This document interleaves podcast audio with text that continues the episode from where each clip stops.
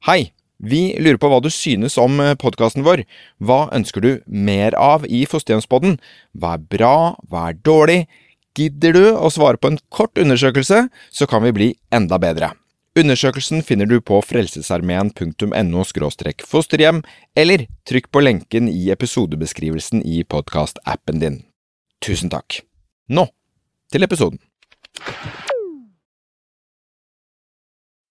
Jeg ville ha prøvd å sagt at det ikke var noe å være redd for, og at jeg kunne prøve å stole mer på meg sjøl, eller være tryggere på meg sjøl, og tenke at jeg tenkte riktig.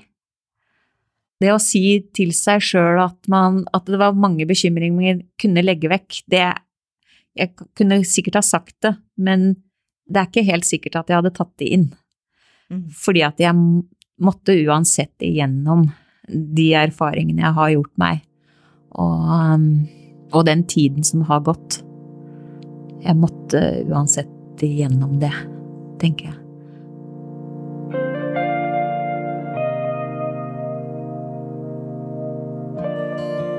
Har det alltid vært sånn?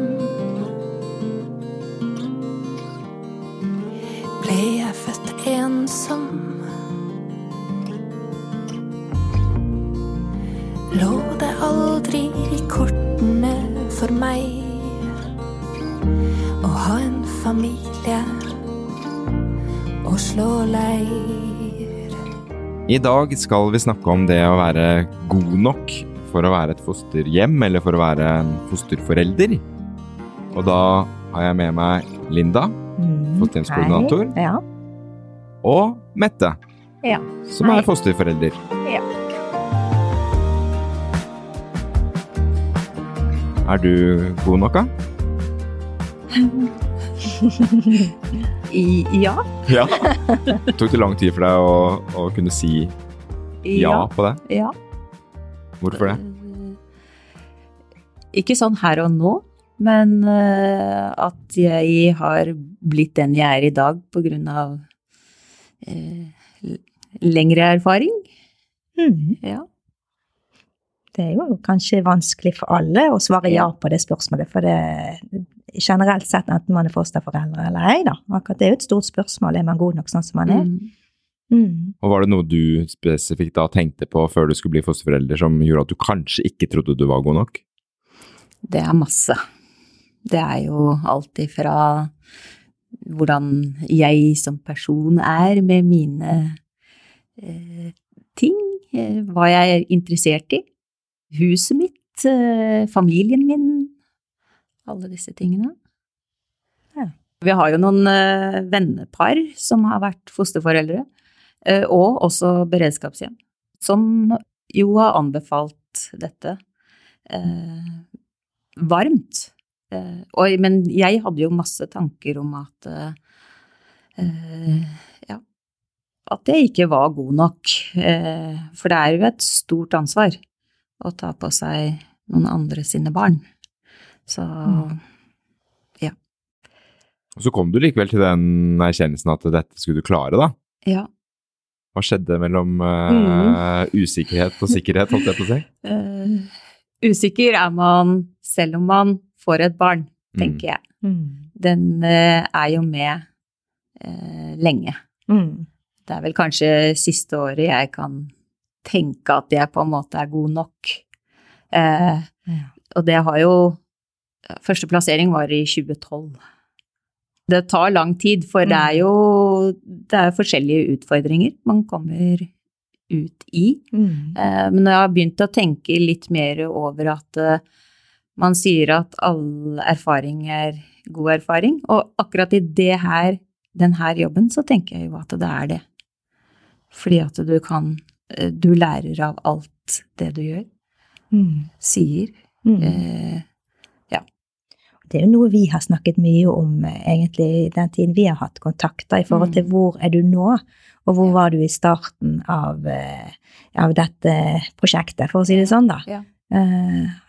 At du tenker jo tilbake igjen i forhold til den erfaringen du har opparbeidet deg, og, og all den eh, teoretiske læringen òg som du har eh, ervervet da, gjennom Mm. årene, så, har du, så er du på en annen plass nå. Ja. Mm. Og jeg tenker at uh, all veiledning Mm. er uh, veldig god. Mm.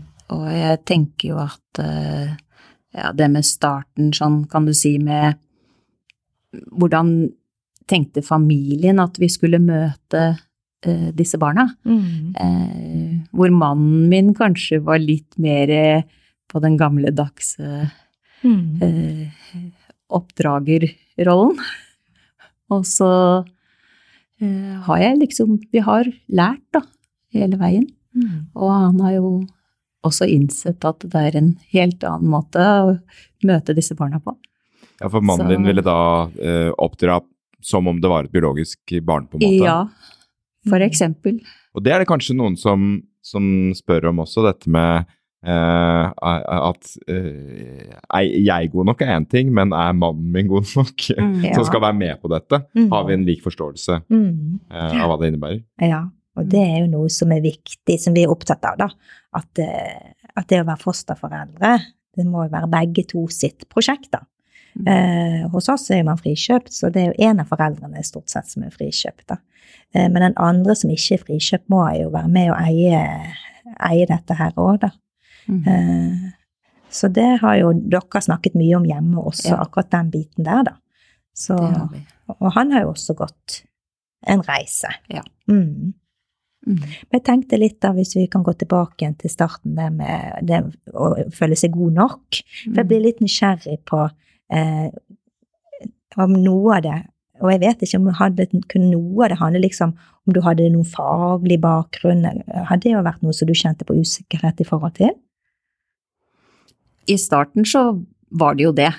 At eh, jeg på en måte ikke Men eh, det første barnet rakk å flytte inn før vi fikk eksempel pride-kurs. Mm. Eh, og det tenkte jeg med en gang at eh, var bra for oss, da. Mm. Men eh, i etterkant så har jeg jo sett det at det ville jeg jo ha hatt tidligere, og jeg ville hatt også noen av disse andre kursene som jeg har Mm. eh, tatt nå, og det ville jeg også gjerne hatt før vi eh, fikk barn plassert. Mm. Mm. Litt mer teori. Ja. Ja. Vi kan jo gå litt inn på det, da. Linda. Um, Pride-kurs, uh, som Mm. nå ikke heter Pride lenger. Um, hva er det for noe? Pride-kurs er jo et opplæringsprogram eh, som vi tilbyr alle fosterforeldre. Da.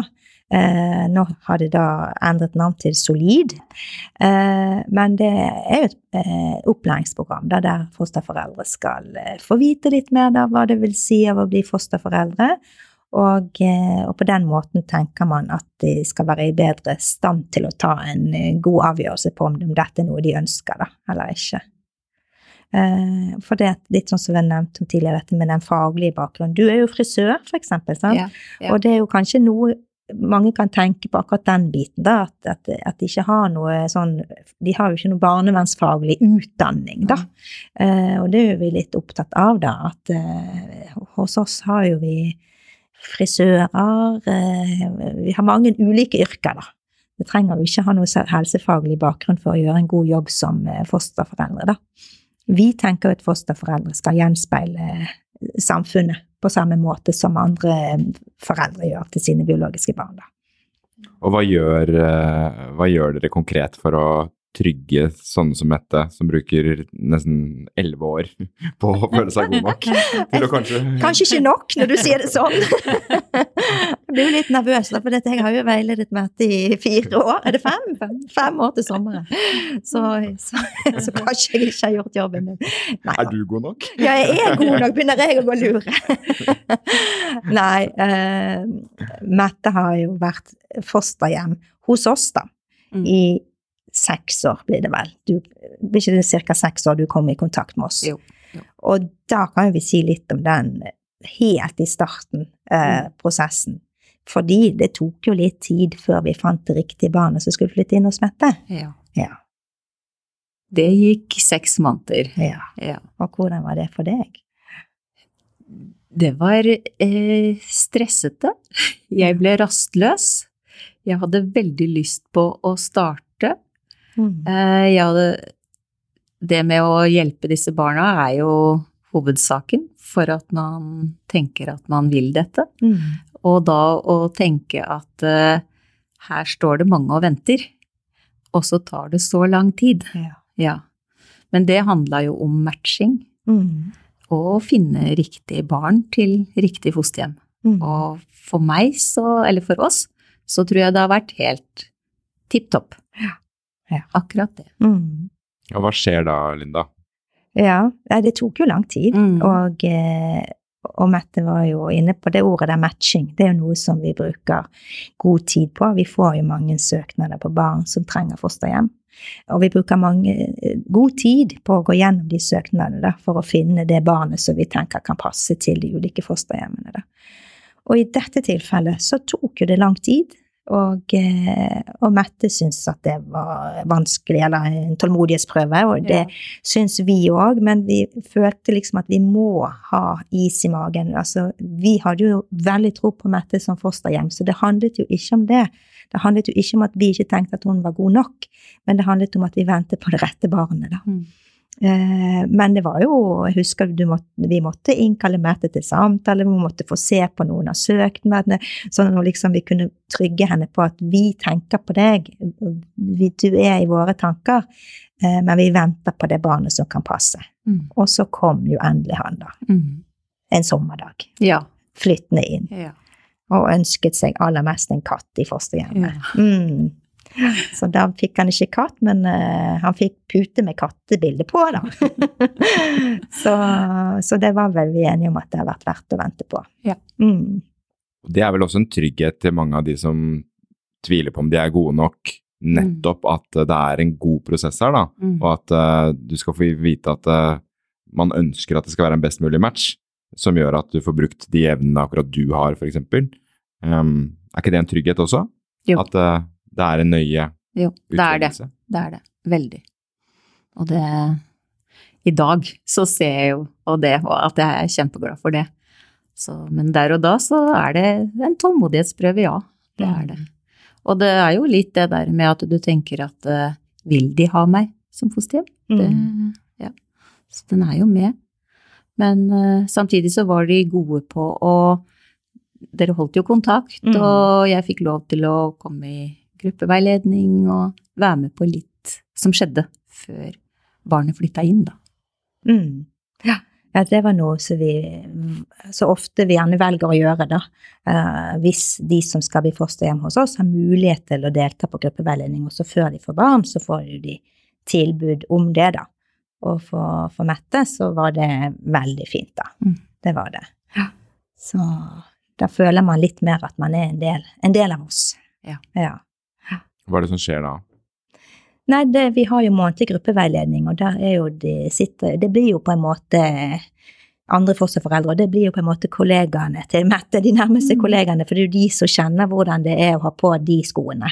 Eh, Vi veilederne er jo inne, men det blir en annen rolle vi har da. Så den støtten som eh, de fosterforeldrene gir hver- hverandre, tenker jo jeg da er Ja. vurderlig. Ja, det er helt topp. Mm. Det òg. Ja. Det der at vi har da en gang i måneden hvor vi treffer hverandre. Og for vi kan jo ikke snakke med dette, eller om dette her, til eh, venner og eventuelt slekt. eh, Så da er det veldig godt å ha et sted hvor man kan få lufta litt. Mm. Og ikke minst da med halv del med det, og halv del med litt teori. Mm. Husker du hvordan du følte det da, når, eh, når eh, fosterbarnet kom inn eh, døra? Eh, Det husker jeg. Vi hadde hatt noen møter i forkant hvor vi møtte barnet. Og da var det den dagen vi skulle reise og hente han. Mm. Det er jo nesten som å få et nytt biologisk barn. Du vet jo ikke mye. Nei.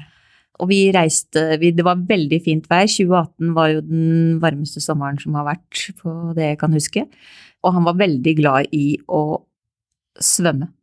Være ved vannet. Vi Mm. har, et, har, et lite, har muligheten til å være ved fjorden. Eh, Og der eh, var vi. Ja. Der bodde vi.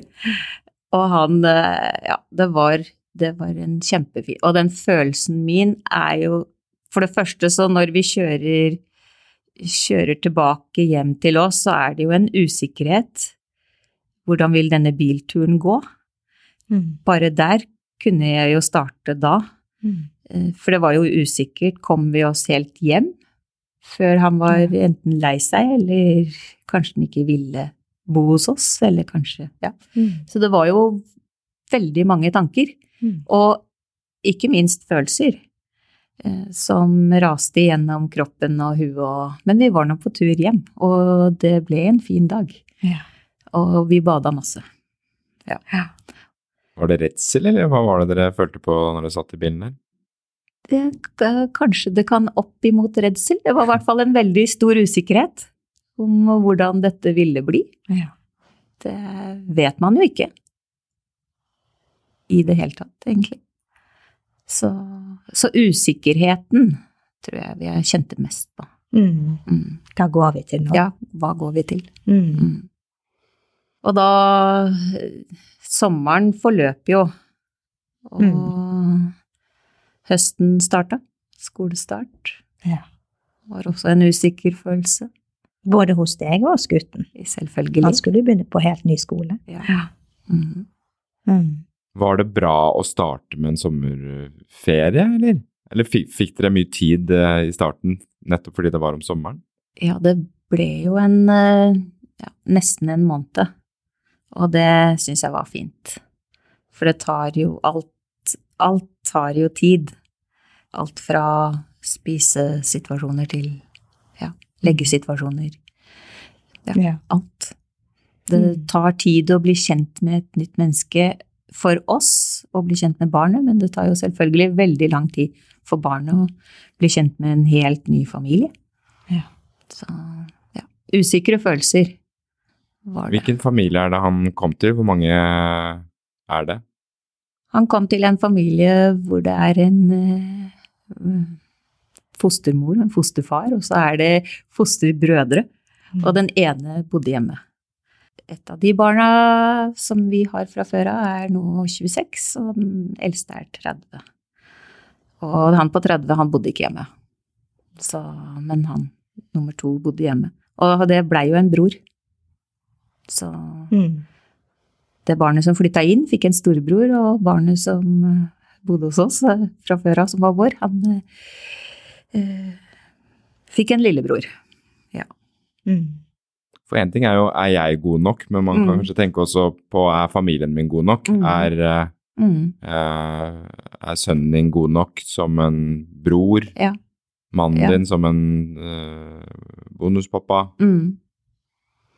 Og det er jo Det er jo en følelse og sånn som vi også har måttet jobbe mye med, som jeg sa litt kanskje om i starten her, at uh, mannen min Det var en av grunnene til at jeg kunne gå inn i dette her for tredje gang, på en måte, var om han også klarte å finne en annen side ved seg sjøl. For du må legge til side litt det av eh, Som han tenkte at eh, Altså, han, han skulle ikke forandre seg. Det var barnet på en måte som skulle eh, gjøre det. Mm. Men det han, har, han klarte å ta med seg den forandringen. Så jeg klarte å få med meg han på laget. For ellers så hadde ikke dette Og også sønnen vår. Mm. Eh, Han hadde ingenting av dette her tidligere. Han ønsket veldig sterkt å bli politi, og innså etter hvert at uh, det blir jeg ikke. Så han, men han har skifta over, så han har studert og har blitt vernepleier. Og har jo fått dette her helt eh, Nei, han syns det er kjempetopp. Og det er på, Så- på mange måter takket være Ja. den situasjonen. Ja. Mm. Mm, Ja, så han det det. tok liksom eh, Veien tok en annen retning for Ja, han. Ja, Mm. det gjorde det. Ja. Så så hva, hva man kan hjelpe andre mennesker med. Man må ikke være politi for å Nei. hjelpe andre. Man kan Mm. hjelpe på andre måter. Ja. Så, Mm. Mm. En bratt læringskurve her, da, fra du får et uh, Mm. fosterbarn til du Når du snakker om Mm. mannen din som skifter Mm. helt oppdragelsesmåte og Ja, det tar noen år, da. Ja. Mm. Ja, Mm. eller reisa vår har tatt noen år. Mm. Eh, Jeg må jo snakke for vår, og våres familie. Eh, Hvis vi tenker liksom litt tilbake til den første tiden, og med en gang Han startet jo på skole etter en måneds tid, etter å ha bodd hos dere en måneds tid. Um, og eh, du sa jo noe om det at eh, han skulle bli kjent med dere, og dere skulle bli kjent med han. mm. Og jeg husker at vi Akkurat det ble jo veldig sånn eh, et tema eh, når han skulle starte på skolen. Fordi at han kom jo til dere med sin bagasje. Og, eh, og sånn som du var inne på òg, at man kan jo, må gjerne møte fosterbarn på en annen måte. Og hvordan var det for deg, akkurat den prosessen med skolestart og, og den første høsten? Ja. Når du tenker skole, så er det jo at jeg tenker jo at barnet må på skolen. Og så er jo det For det er jo en sånn innebygd uh, Mm. i deg sjøl, at uh, du tenker jo at det er jo en rett her. Barnet faktisk må på skolen. Ja. Og da kommer jo den herre følelsen med at eh, hvor langt skal jeg presse, eh, og at vi måtte bruke veldig lang tid. Det var veldig lang tid på morgenen. Vi hadde mange runder med film og kakao. Ja, på morgenen. Ja, Mm. for å sette en stemning før vi gikk på skolen. Mm. Og da Det er jo et tidsperspektiv her som, i hvert fall for vår del og min del, og måten å jobbe på, det med å kunne se langsiktig, Mm. eh, eller tenke langsiktig, fordi at eh, man får ikke alt på plass etter én måned. Eh, Mm. det, det alt av rutiner Alt må på en måte jobbes inn, både kanskje på nytt for barnet, men også for oss som er voksne rundt. Mm. Hvordan kjentes det for deg da, når du kanskje faktisk måtte la han være hjemme fra skolen uten å egentlig være sånn syk, som man i Mm. tradisjonell forstand ville tenkt? Var, da var det lov å være hjemme fra skolen? Det er jo en Jeg blir jo på en måte eh, Ja, jeg får en vond følelse Eller ikke vond følelse, men jeg går jo litt på, på kant av meg sjøl. Fordi Mm. at jeg egentlig tenker at han skulle ha vært på skolen, men så må han også få den tiden. Så det er veldig sånne motstridende følelser Mm. inni, inni meg som voksen. Mm. Men det jeg kjente mest på, var at jeg Jeg var litt trygg på at jeg hadde Linda i ryggen på måten jeg jobba på, da. Eh, Med at vi skulle se langsiktig, at vi skulle bruke god tid. Eh, Det med stress eh, Å prøve å skynde på dette barnet, det var ikke Altså det, det Eller generelt alle barn. Det, det funker ikke. Det eh, gjør at det egentlig nesten heller går feil vei. Mm. Så det å være trygg på å kanskje vite at jeg kunne få lov å bruke lang tid, eh, på en måte, skynde seg langsomt. Mm. Ja. Mm. Er det noe du pleier å si, eller Linda? Ta det rolig. Eh, ta det rolig. Ja, nei, altså det som vi jobbet mye med, var jo nettopp den biten der, og at her må vi være trygg i, i, den, i den fagligheten vår, da, i forhold til hva er best for han nå. Eh, og det handlet jo om at eh, Mette måtte jo gjøre ting annerledes enn hun hadde gjort med sine egne gutter.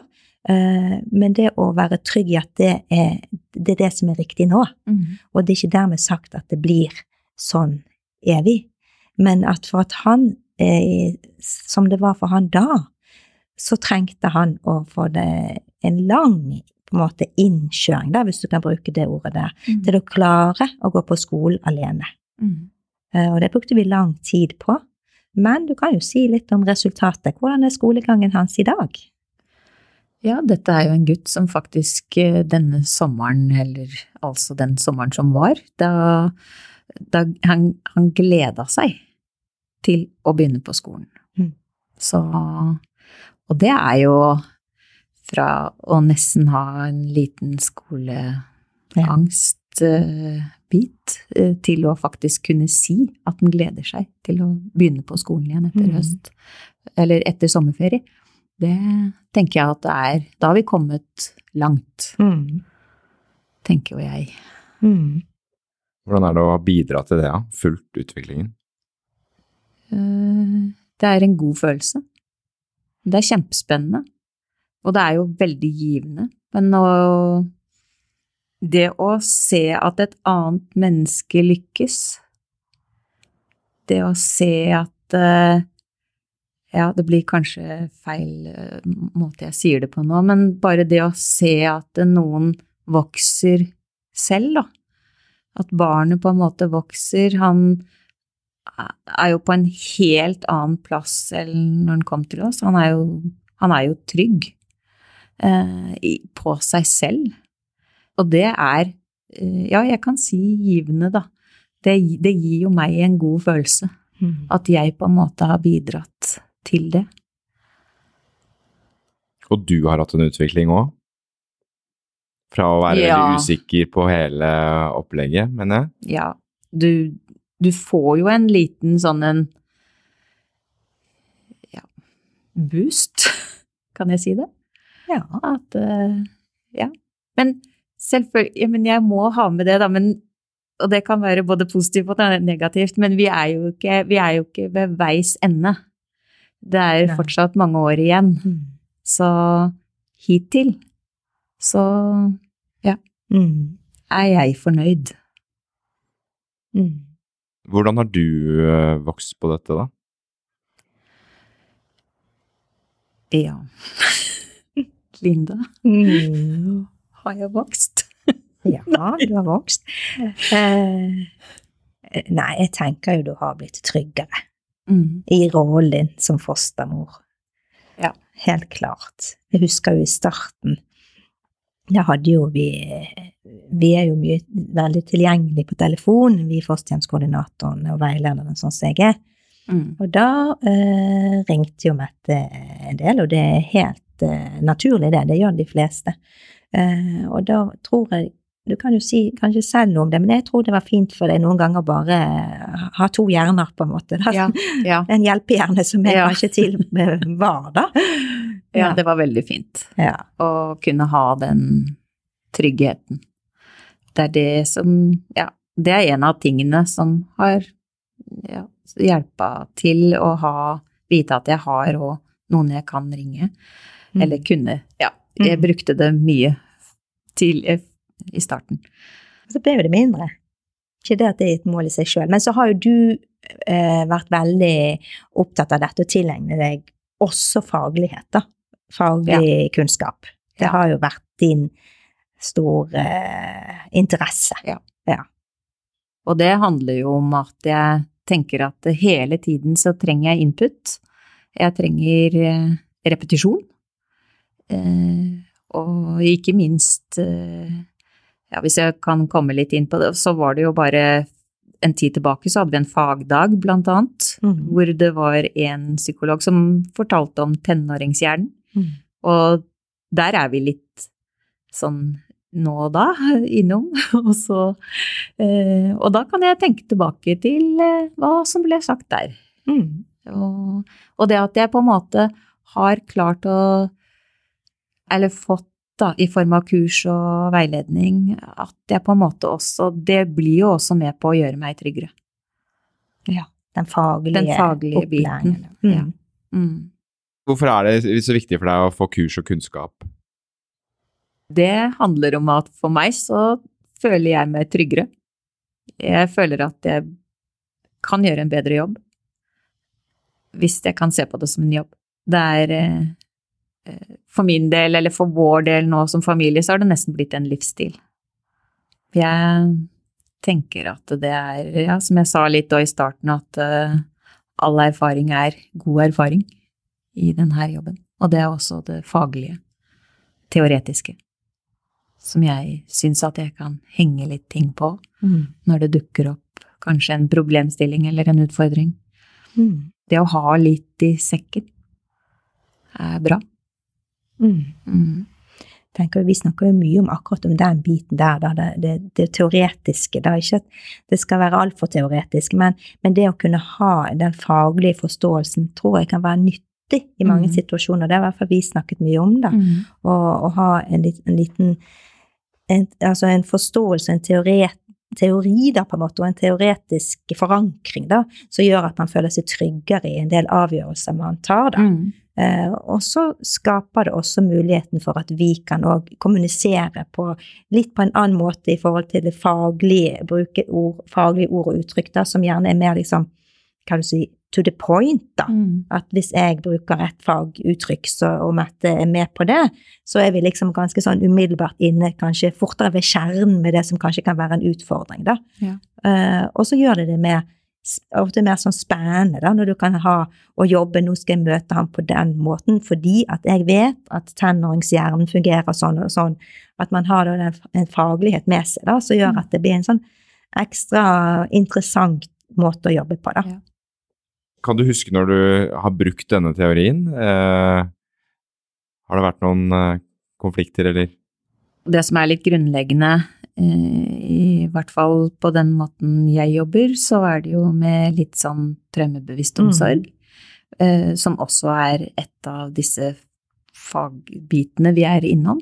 Og da Det handler jo om at det er mye vi kan Altså, jeg som voksen skal jo sette de reglene og sånn som vi tenker at det passer barnet.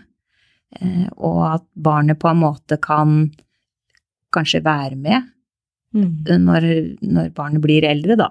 Og være med å ta litt avgjørelser selv. Og at vi kommer til et uh, mer sånn uh, kompromiss på hva som kan være regelen. Mm. Men akkurat det med tenåringshjernen, det, det er jo mye som kan oppstå med, med en mm. tenåring. Mm. Mm. Med at de kanskje er veldig trøtte.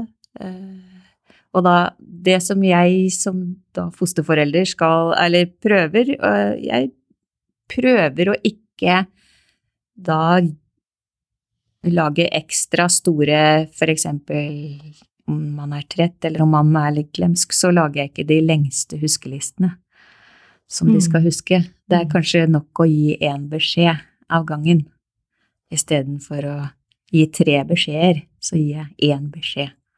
For da husker barnet den oppgaven, eller den beskjeden. Hvordan fungerte det, da? Da, da får han til det. Mm. Og det er jo mestringsfølelser, tenker jo jeg da. Mm. Mm. Er det mestringsfølelser for begge dere, på en måte? ja, øh, det blir jo det. Men øh, mine følelser er jo dempet kanskje i forhold til hans Altså, jeg håper jo at han Altså, jeg er Jeg er jo egentlig trygg i meg sjøl som en voksen person nå, og det håper jeg jo at jeg klarer å overføre til han, er den tryggheten mm. på at han tar de riktige valga, og mm. at han Jeg håper at vi kan tilføre et bra selvbilde. Mm. Jeg tenkte på dette med traumebevisst omsorg, da, som er, den teoretiske hva du skal si, plattformen som vi jobber etter. da. For du sier jo noe om hva det har gjort for deg i forståelsen av han. Men hva mm. har det gjort for deg i, i forståelsen av deg sjøl i møte med andre? Mm. Jeg tror jeg har blitt et snillere menneske. Ja. Mm. Møter eh, alle med respekt. Eh, og ja, helt eh, Jeg mm. tror det selv, at jeg har blitt et snillere menneske. Ja. Eh, ikke dømmende.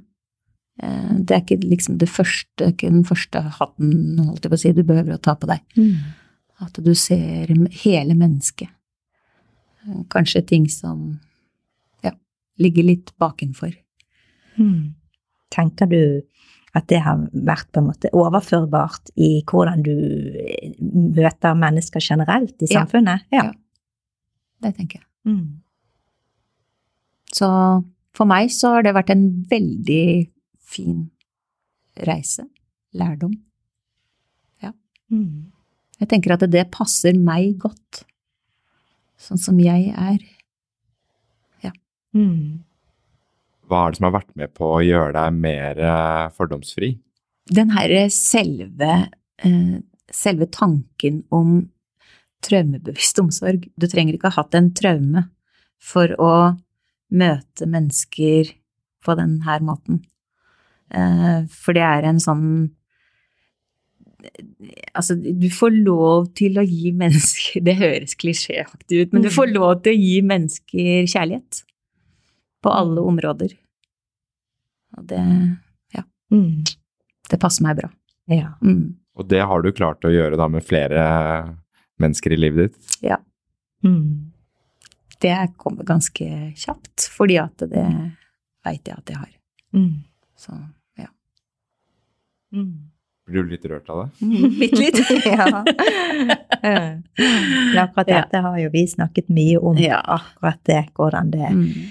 Traumebevisst omsorg ikke alltid Man trenger ikke å være traumatisert Nei. på den måten der. Det Mm. handler jo om å se hva som ligger bak atferden, sant. Mm. Og, og, klare å se det.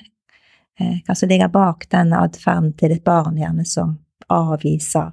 Mm. Sant? Og klare Mm. å se at det, det ligger noe bak der. Mm. Eh, og det er nyttig kunnskap å ha når man skal være fosterforeldre. Da. Mm. Og sikkert også vanlige forelder, og i veldig Ja. mange andre relasjoner Ja. hvor det er avvisninger, og man ikke helt skjønner hvor man har Mm. hverandre. Mm. Ja. Og det er eh, Jeg tenker det er i alle Eller i mange settinger, i hvert fall. Mm. At du kan møte mennesker åpent og ikke dømmende. Eller fordømmende, eller Ja. Også den tanken gjerne at eh, et fosterbarn ikke alltid skal gjøre seg fortjent til å få en Mm. gode, men skal få den goden fordi han trenger det. Mm. Uh, og det òg er jo en holdning som, uh, som vi syns er viktig, da. Mm. Mm. Selv om et fosterbarn sier ikke at dette er tilfellet her, men selv om et fosterbarn gjerne kanskje har skulket skolen, så ikke dermed sagt at man skal droppe det kinobesøket på kvelden, eller det hyggelige tingen man skal gjøre sammen som familie, for det kan hende at det er nettopp det fosterbarnet trenger. Da. Mm. Har du også et sånn konkret eksempel på en situasjon hvor du ville vært fordomsfull før, men hvor du i dag møter eh, det mennesket på en annen måte? Jeg kan ta en helt annen episode hvor det ikke handler om et fosterbarn, Mm.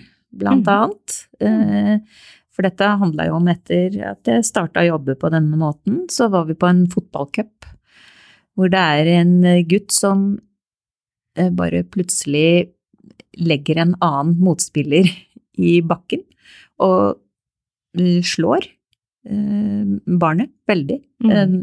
Og jeg bare tenker at oi, oi, oi, dette her er jo ikke bra. Og tenker at sånn umiddelbart så får jo jeg en sånn tanke om at oi, hva er det som skjer i denne gutten sitt liv? Og så blir det jo en sånn slags eh, konfrontasjon etterpå med foreldre og trenere og idrettslag, og det blir jo en sånn stor bit av dette.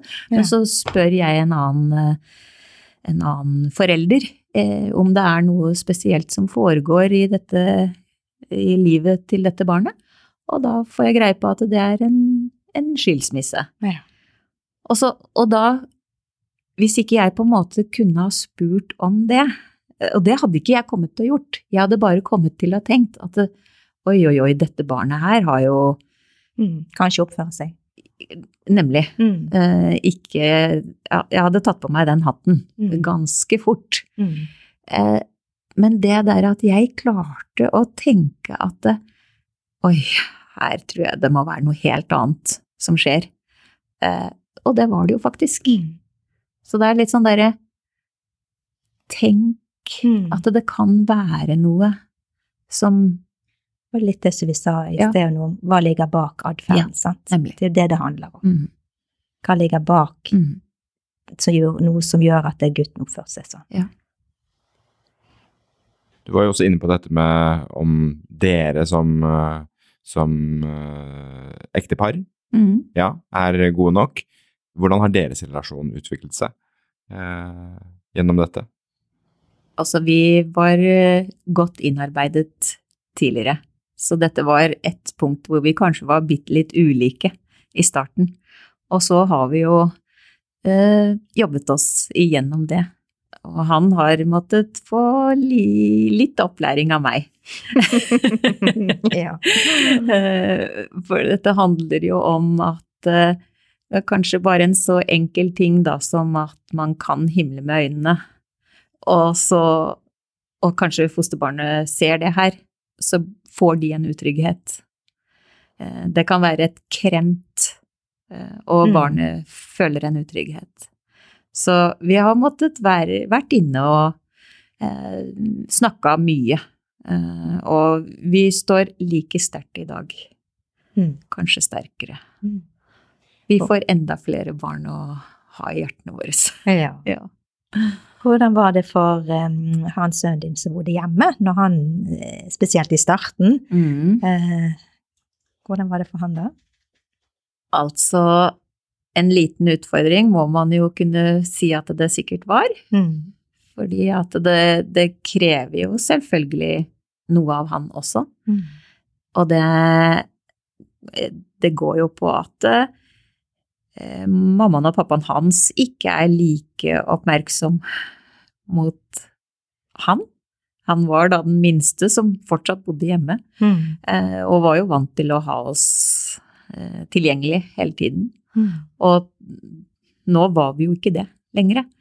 Men samtidig så hadde han Jeg tenker jo at det, hans tanker om seg sjøl også var såpass påfylt at han òg følte seg trygg på at vi ikke eh, Ja, vi var fortsatt mammaen og pappaen hans, Mm. eh, selv om vi fikk et barn til. Mm. Men i forhold til det, for de, altså, hva du skal si, ulike regler da, for det, Mm. var det noe for han i forhold til hvordan dere eh, møtte han gutten? Ja, og det sa jo da vår sønn litt om, mm. fordi at det det var, det var nok en del ting som fosterbarnet fikk lov til, som ikke det biologiske barnet hadde fått lov til Mm. på samme alder. Så, men eh, da måtte jeg jo bare inn og fortelle om hvorfor vi gjorde det på den måten. Og det handla jo om hele tiden å trygge barnet, trygge fosterbarnet, Mm. på at vi sto der uansett. Eh, om det barnet ikke ville på skolen, eller om det barnet ikke ville legge av seg, eller ikke stå opp, eller så var vi der allikevel. Mm.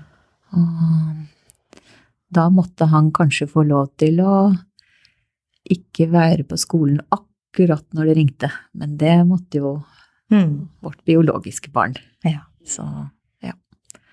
Og da måtte jeg inn og trygge han på at dette var i tråd med det vi Måten vi skulle jobbe sammen på. Mm. Mm. Var det vanskelig å på en måte gi de ulike reglene? Egentlig ikke. Fordi at eh, nå var vi så heldige at det barnet som bodde hjemme, han var jo allerede 20 år, så han hadde jo en forståelse for hvorfor ting ble som de ble. Mm. Så Men jeg kan bare skyte inn en liten sånn en for første plassering fosterhjem, så var han 16, eh, 15-16, og da var det veldig Det var en helt annen. En helt annen bit som ja, også har vært med på og gjort meg til den jeg er i dag. Mm. Mm. Og da Ja, det var mer Da var det vanskeligere å sette de reglene. Mm. Ja. Da var de litt eh, mer like i alder, Ja, kanskje? Mm. ja. Hva er status til fosterbarnet nå, da? Status til fosterbarnet er at eh, jeg Ja, uh, hans tanker eller mine tanker, tenker du? Er han, uh, han er fortsatt i skole og Ja. Og kan jeg si at han skal på ungdomsskolen til neste år, og det er bytte av skole. Og det er Han er, står fortsatt og tenker at han gleder seg. Så det blir Det er Jeg syns det er kjempefint. Mm. Men jeg, med mine følelser, syns jo at det kan være litt skummelt. Litt spennende. Ja. ja. Ja. Og det Mm. handler jo om at jeg fortsatt skal trygge han. Eller trygge han sånn at han blir trygg på seg sjøl. Mm. Trygg på ny skole, Mm. nye eh, elever, nye lærere. Det er jo ny.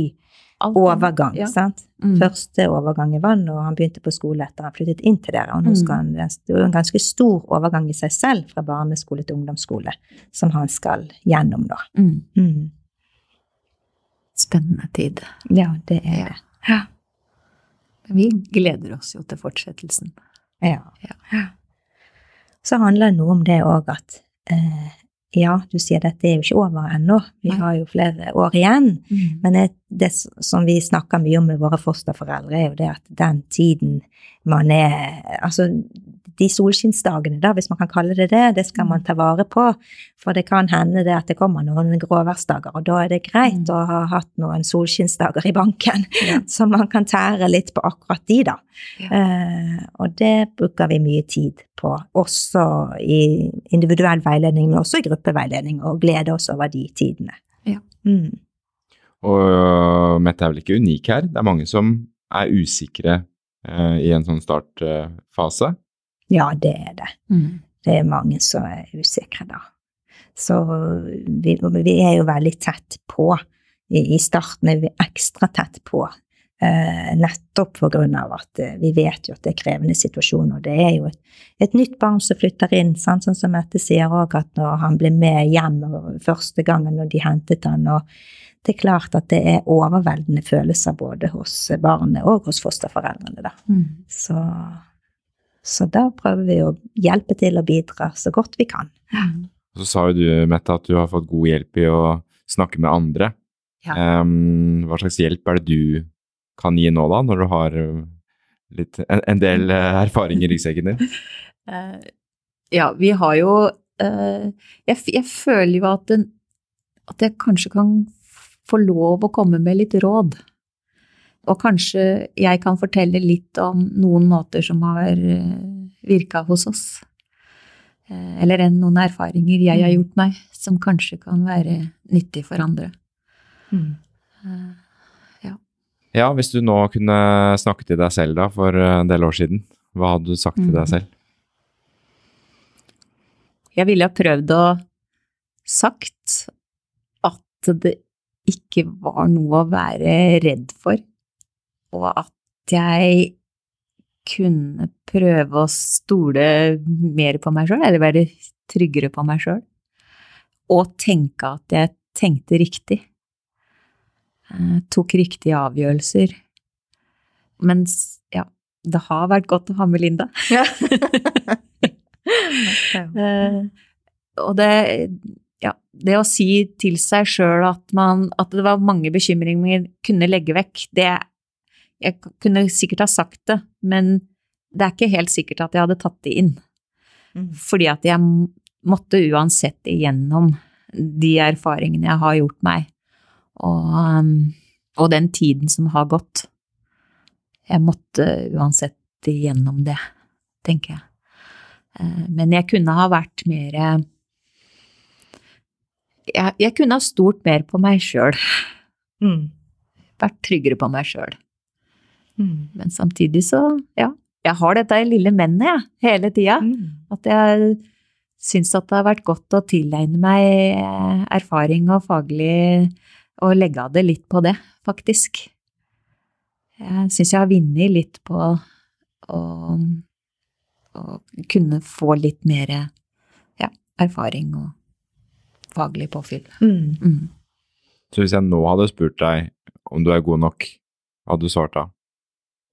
Ja, nå er jeg god nok, hadde jeg svart. Men kanskje jeg ikke var det da.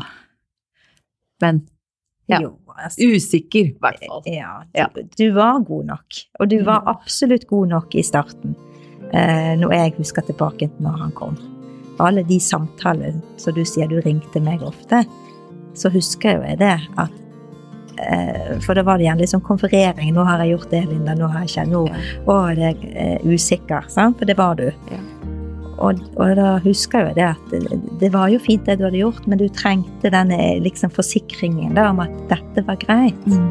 Eh, så ja, du var god nok, men du er tryggere nå. Det opplever jeg at du er. Mm. Ja. Takk. Bare For det. hyggelig. ja.